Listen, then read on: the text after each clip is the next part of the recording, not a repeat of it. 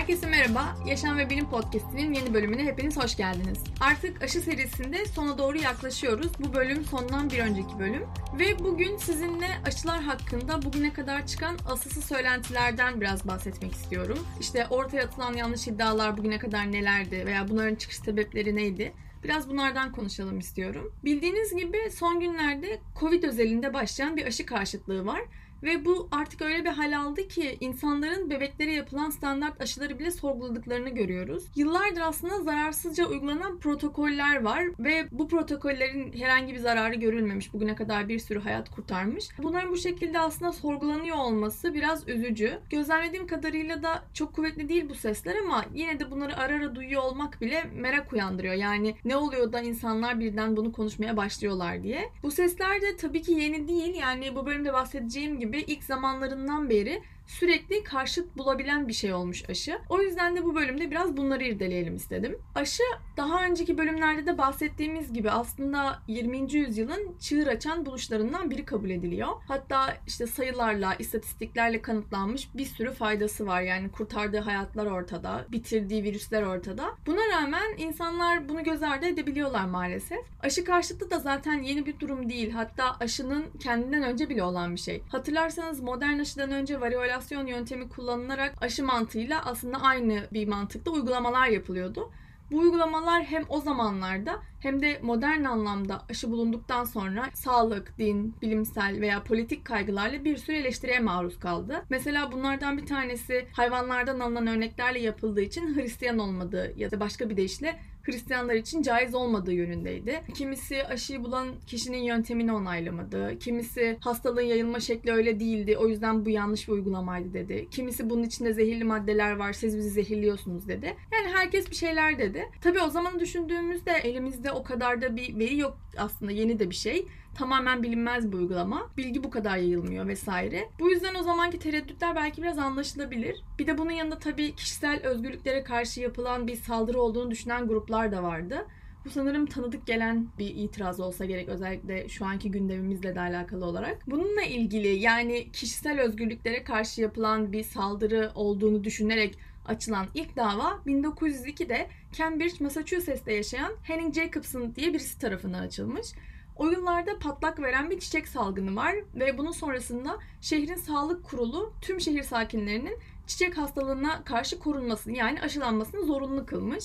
Henning Jacobson da o zamanlar benim bedenim, benim kararım diyerek mahkemeye başvurmuş. Buna karşılık sağlık kurulu durmamış tabii. Onlar da Henning Jacobson'a bu defa suç duyurusunda bulunmuş. Henning Bey önce yerel mahkemede kaybetmiş. Bunun üzerine de ABD Yüksek Mahkemesi'ne başvurmuş bu defa. Ama bunun da sonu hüsranla bitmiş. Çünkü Yüksek Mahkeme devletin bulaşıcı bir hastalık durumunda halkı korumak için zorunlu yasalar çıkarabileceğine karar vermiş. Ve bu şekilde devletin lehine sonuçlandırmış davayı. Bundan sonra da günümüze kadar aslında bir sürü kişi farklı farklı aşılar için benzer endişelerini dile getirmişler ya da aşılama politikalarına karşı çıkmışlar. Mesela 1974'te Birleşik Krallık'taki Archives of Diseases in Children dergisi Londra'da bir hastane var. Great Ormond Street Çocuklar Hastanesi diye. Burada yapılan DBT karma aşısının uygulanmasından sonra 36 çocukta nörolojik rahatsızlık gördüğünü iddia eden bir rapor yayınladı. Bu rapordan sonra tabii halk arasında bu aşıya karşı doğal olarak bir muhalefet oluştu. Çünkü kimse gidip muhtemelen raporu işte okumadı, detaylarına bakmadı.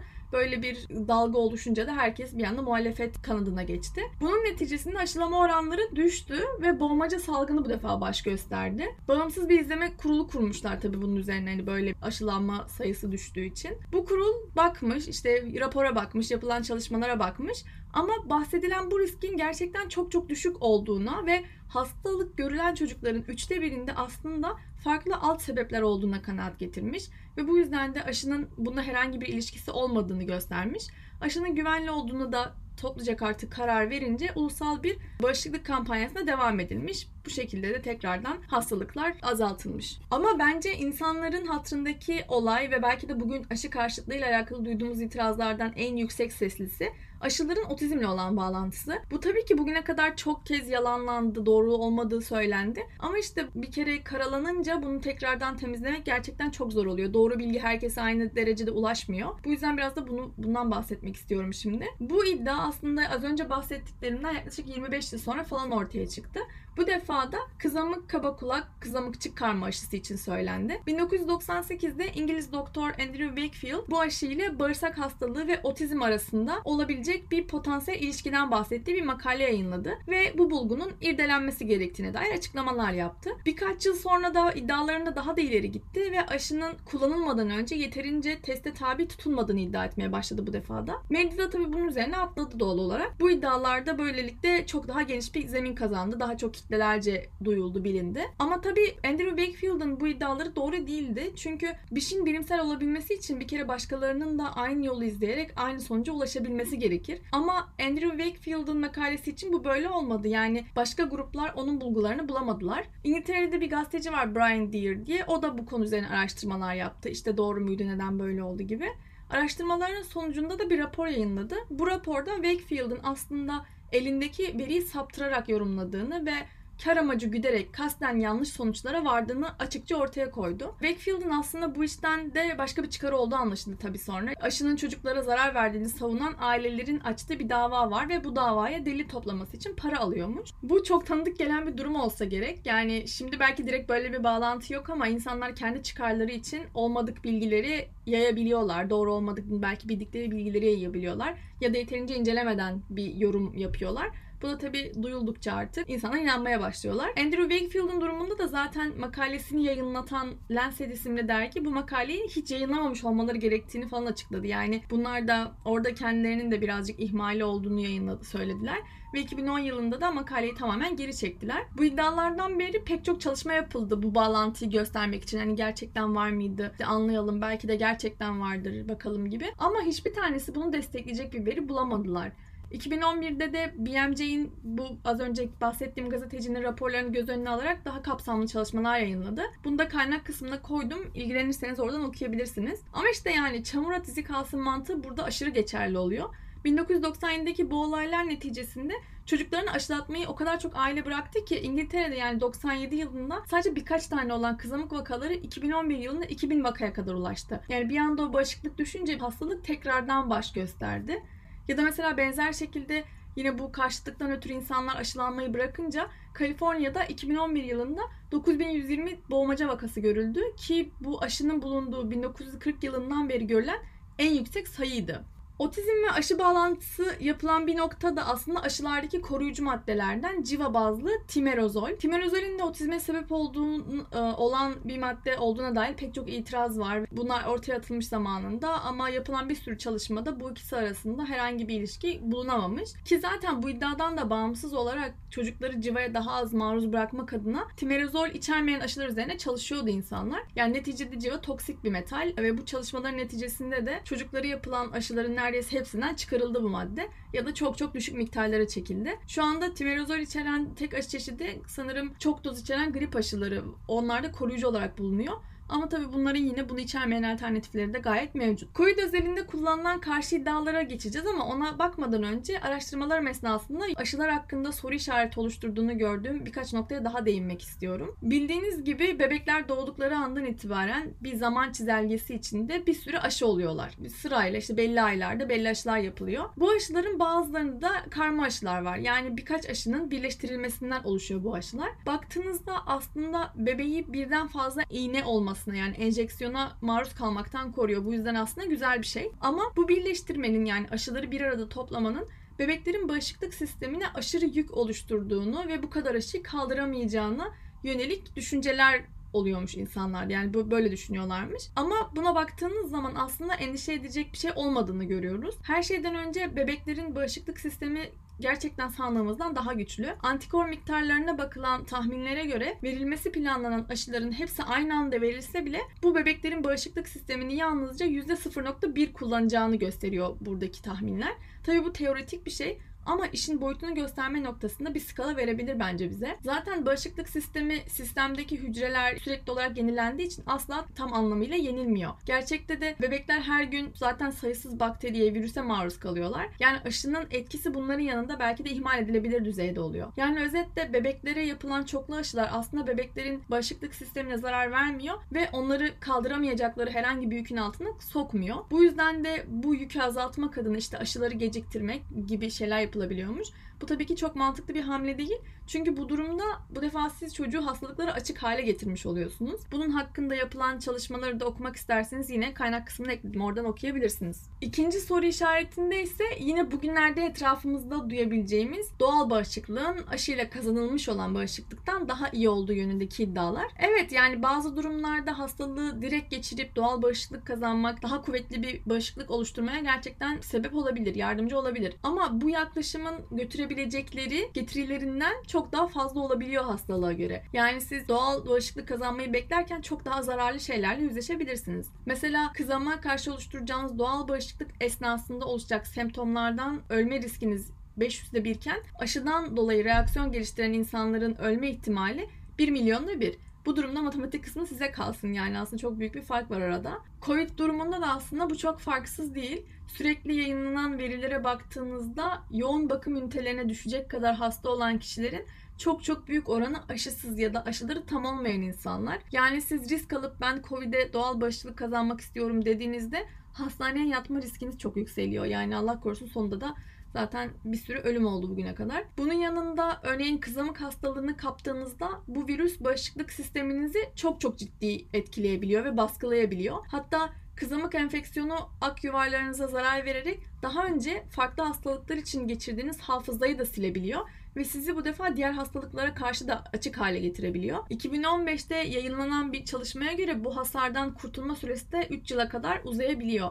Yani öyle ki kızamık aşısından önce enfeksiyon hastalığına dayalı çocuk ölümlerinin yarısının direkt veya indirekt sebebinin kızamık olduğu tahmin ediliyor. Yani o kadar aslında ölümcül ve zarar veren bir hastalık. Aşılara karşı ses bulan muhalefet sebeplerinden biri de aşıların toksik maddeler içerdiği iddiasıyla alakalı. Aslında az önce bundan biraz bahsetmiştik. Aşıları stabil yapmak için işte formaldehit, alüminyum, civa gibi çeşitli koruyucu maddeler, kimyasallar kullanılıyor evet. Ve bu kimyasallar evet belli oranların üstünde olduklarında toksik de oluyorlar. Ama onay alan aşılarda bu kimyasallar o kadar az miktarda bulunuyor ki yani zarar verecek bir seviyede değiller. Hatta mesela FDA ve CDC'ye göre formaldehit kendi metabolizmamız tarafından aşılarda olduğundan çok daha fazla üretiliyor. Ve aşılardaki bu kadar az miktarında zararlı olduğunu gösteren herhangi bir bilimsel kanıt bugüne kadar bulunmadı. Zaten bari zarar verecek bir şey nasıl onay alabilir? Hani bunu da düşünmek lazım. Geçen bölümde de söylediğim gibi sizden önce bunu düşünenler muhakkak var. Bir sürü test aşamalarından geçiyor. O yüzden bu kadar işte kimyasal var bize zarar verir gibi düşünmek çok doğru değil. Çünkü bunlar yine insanlar için yapılıyor ve insanlar için en güvenli şekilde yapılıyorlar. Sık duyduğumuz muhalefet sebeplerinden biri de yine hatta belki de en yaygını özellikle Covid aşıları için aşının ileri vadede verebileceği zararları düşünüp faydanın riske değmeyeceği fikri. Ama dönüp de elimizdeki verilere baktığımızda herhangi bir aşının uzun vadeli bir sağlık sorununa oluşturduğunu gösteren herhangi bir çalışma bugüne kadar hiç yok. Yani herhangi bir aşı için geçerli bu. Orta vadeli alerjik reaksiyon veya ciddi yan etki kaynaklı ölüm riski yok denecek kadar az. Yani bunu gösteren herhangi bir çalışma, rapor yok. Dolayısıyla böyle olduğunu düşünmek çok doğru değil. Son olarak da enfeksiyon sayılarının düştüğü ve sürü bağışıklığına ulaşıldığı anlaşıldığı durumlarda aşı olmanın gereksiz olacağı görüşü yaygın. Tabii ki sürü bağışıklığı sayesinde herhangi bir toplumda insanların büyük bir çoğunluğu eğer aşılıysa aşılanmamış azınlık bile korunacaktır. Bu kadar çok insan dirençliyken bulaşıcı bir hastalık hiçbir zaman yerleşip yayılma şansı bulamayacak. Bu önemli çünkü nüfusun her zaman aşılamayan bir kısmı var. Yani işte bebekler, hamile kadınlar, yaşlılar, belki bağışıklık sistemi zayıf olan kişiler. Ama herkes de buna güvenip kendilerini veya çocuklarını aşılamıyorlarsa toplu bir tehlikeye katkıda bulunmuş oluyorlar ve virüslerin kendilerinin yerleşmesi ve yayılması için fırsatlar yaratıyorlar. Daha yeni gördük. Koronavirüs sürekli yeni mutasyonlarla önümüze çıkıyor. Çünkü buna hazır bir ortam var. Dünyada aşılanma oranları yeterli olmadıkça da bu mutasyonların çıkmaması için hiçbir sebep yok. Bırakın koronayı herhangi başka bir hastalık da bir anda daha önce görülmediği bir toplumda görülebilir. Ki zaten mesela Hastalık Kontrol Merkezi CDC'nin uyardığına göre işte aslında bu onların uyarması değil ama uluslararası seyahat çok hızlı artıyor. Onların uyardığı nokta da bu seyahat trafiğinden ötürü bir hastalık ülkenizde tehdit olmasa bile başka yerde yaygın olabilir ve birisi yurt dışından bu hastalığı taşıyıp aşılanmamış bir toplumda enfeksiyon riskini çok daha arttırmış olabileceği yönünde. Bu hani olmayacak bir ihtimal değil. Çünkü dedikleri gibi herkes her yerden her yere geliyor. Şu andaki varyantların zaten bu kadar çok yayılma sebeplerinden en büyüğü bu. Şimdi zaman çizelgesini bugüne kadar getirip Covid hakkındaki söylentilere bakalım istiyorum son olarak. Özellikle sosyal medyayı kullanan biriyseniz bu iddiaları duymamış olma ihtimaliniz neredeyse yok. Kimi zaman işte dayımın oğluna şöyle oldu demek ki bu aşı zehirli kıvamında olabilen itirazlardan en sık duyduklarımızdan burada bahsetmek istiyorum. Nasıl çıkıyor bunlar işte nasıl yayılıyorlar biraz buna bakalım. Her şeyden önce doğurganlık tanrılarını sevindiren haber Covid aşısının kısırlıkla bir alakasının olmadığından başlayalım. Yani çipten de başlayabilirdik ama o kısmı toplumca atlattık zannediyorum. Şimdi bu kısırlık iddiası nereden çıktı? Dilerseniz oraya bakalım. Bu çünkü sanırım hala en çok inanana olan yalan iddialardan biri. Aralık 22'de Alman doktor Wolfgang Wodarg eski bir Pfizer bilim insanı olan Michael Yeadon'la Avrupa İlaç Ajansı ki bunu FDA'nin Avrupa versiyonu diyebiliriz. Birlikte bunlar Pfizer-BioNTech aşısının onayının gecikmesine dair bir başvuru yapıyorlar. Bunun sebeplerinden bir tanesi koronavirüsün spike proteiniyle memelilerde plasentanın önemli bir parçası olan sinsitin isimli proteinin genetik benzerlik taşıyor olması. Sinsitin bir proteini plasenta oluşması ve başarılı bir hamilelik için gerekli bir protein. Yani eğer vücut sinsitine karşı antikor oluşturursa vücudun plasentadaki bu proteine de karşı koyup saldırıp onu yok etmeye çalışacağını, dolayısıyla da kadınlarda kısırlık yapabileceğini öne sürüyorlar. Dünya nüfusu çok arttığı için farklı yöntemlerle nüfusun kontrol altına alınmaya çalışıldığı fikri yeni değil aslında. Komplo teorisyenleri bu fikrin ve belki muhtemel uygulanma stratejilerinin üzerine epey kafa patlatıyorlardır. Hatta bu fikri senaryo haline bile getirilmiş Ütopya isimli 2013 yapımı bir dizi var. Bu dizide işte dünya nüfusunun artmasını engellemek isteyen bir grup kişi bir grip salgını ilüzyonu yaratıyorlar ve sunulan aşıyla da nüfusun büyük bir kısmını kısırlaştırarak hedefledikleri nüfusa ulaşmayı planlıyorlar. Bugünkü duruma çokça yakın bir senaryo tabi. Hatta üzerine bir de Amazon'da tam bu pandemi döneminde yayınlanınca bu iddiaları biraz tuz biber oldu bazı insanlar için maalesef. Böyle bir şey gerçekten olabilir mi? Gelin buna bakalım. Evet koronavirüs ve sinsitin birin paylaştıkları kısa kısa DNA parçaları var ama bu onları benzer yapmaya yetecek kadar önemli bir benzerlik değil. Bu konuda röportajını okuduğum Minnesota Üniversitesi Enfeksiyon Hastalıkları Doktoru Jill Foster iki insanın 7 rakamını içeren telefon numarasını paylaşmasına benzetiyor bu durumu. Diğer kişiyi aramak için mesela öbürünün telefon numarasından arayamazsın diyor. Yani bunun sadece bir tane rakamı ortak çünkü devamının için bir bilgin yok ve dolayısıyla bu aslında onu arayabileceğin anlamına gelmiyor. Buna paralel olarak iki proteinin benzerliği de gerçekten çok ufak ölçülerde. Yani vücudun durduk yere sinsitin bir protein proteinine saldırmasına sebep olacak bir durum değil. Hatta Wodarg'ın kendisi bile yazdığı dilekçede SARS virüslerine karşı oluşan antikorların antisinsitin bir antikorlarına benzer davrandığını görülmediğini yazmış. Şu ana kadar da aşının doğurganlığı etkilediğine dair herhangi bir kanıt yok. Zaten virüsün kendisinin oluşturmadığı bir sonucu aşının oluşturması beklenen bir şey değil. Mesela kızamık aşısına olan bazı kişilerde peteşi denilen deri altı kanaması görülebilir ama bu zaten kızamık virüsünü alan kişilerde de görülen bir durum. Dolayısıyla virüsün kendisinin sebep olmadığı bir sonuç aşıdan da çok beklenmiyor. Hatta aşı olduktan sonra hamile kalan bir sürü kadın var. Tüp bebek tedavi tedavisi gören kadınlarda da yine aşılı, aşısız ya da daha önceden enfekte olmuş kadınlarda hamile kalma oranlarında herhangi bir farklılık gözlenmemiş yapılan çalışmalarda. Tüm bunların üstüne hamileler için COVID hastalığını kapmak erken doğum veya düşük yapma ihtimalleri açısından aşı olmaktan çok daha büyük bir risk oluşturuyor. Bu yüzden de ilk başlarda yeterli veri yoktu. Hamilelere tavsiye edilmiyordu evet. Ama gün geçtikçe daha daha çok güvenlik verisi alındıkça COVID'in bizzat kendi zararlarının çok daha büyük olduğu da gösterilince gitgide daha çok doktor hamile kadınlara da artık aşıyı tavsiye ediyor. Tüm bunlar göz önüne alındığında bunun sadece boşta bulunarak atılmış atılmış bir iddia olduğunu aslında net bir şekilde görebiliyorsunuz. Bununla bağlantılı olarak başka bir iddia da aşının yumurtalıklarda biriktiğiyle ilgili ve bu da yine aslında yanlış yorumlanan bir makaleye dayanıyor. Bu çalışmada farelere insanlara verilenden 1300 kat daha fazla doz aşı verildiğinde 48 saat sonrasında dozun hayvanın yumurtalıklarında görüldüğü gözlenmiş. Aslında yumurtalıklardaki yağ konsantrasyonu üzerinden bir yorum yapılmış. Aşıda lipid bir parçacıkla verildiği için böyle bir bağlantı kurulmuş arasında.